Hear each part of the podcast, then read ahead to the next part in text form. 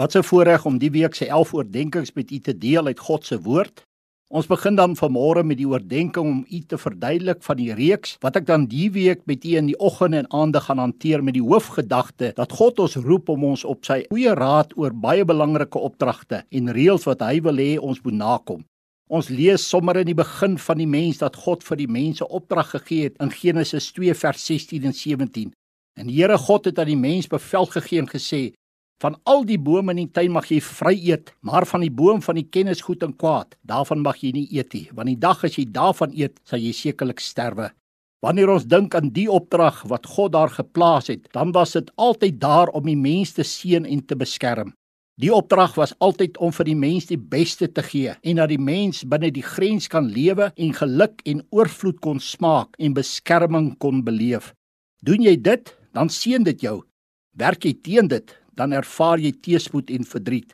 By elke opdrag is daar verantwoordelikheid wat nagekom moet word en daarom moet ons keuses maak want ons het nou 'n verantwoordelikheid.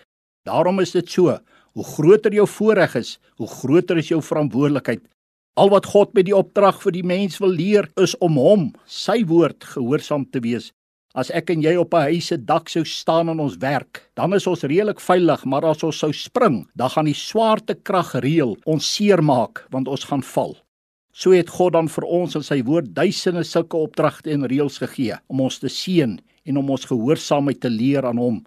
Ja, om die lewe vir ons baie beter te maak, om ons te beskerm, om die lewe vir ons tot seën te maak. Mag God u seën en kom ons bly tussen sy grense Ja, kom ons bly gehoorsaam aan hom, aan sy woord, aan sy opdragte.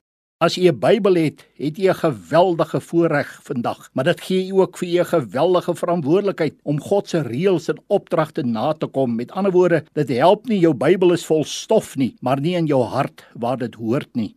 God se woord wys vir ons altyd wat God van ons wil hê, maar hy wys ook vir ons dat ons dit moet doen. Wat dan gebeur dat ons hom sal verheerlik?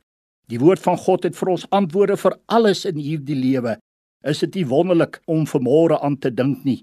Ja, Hebreërs 4 vers 12 sê mos, want die woord van God is lewend en kragtig en skerper as enige tweesnydende swaard en dring deur tot die skeiding van siel en gees, van gewrigte en murg en is 'n beoordelaar van die oorlegging en gedagtes van die hart. Kom ons bid saam. Here, help ons om u reëls en u opdragte na te kom Ons wil daardeur vir U alleen verheerlik. Amen.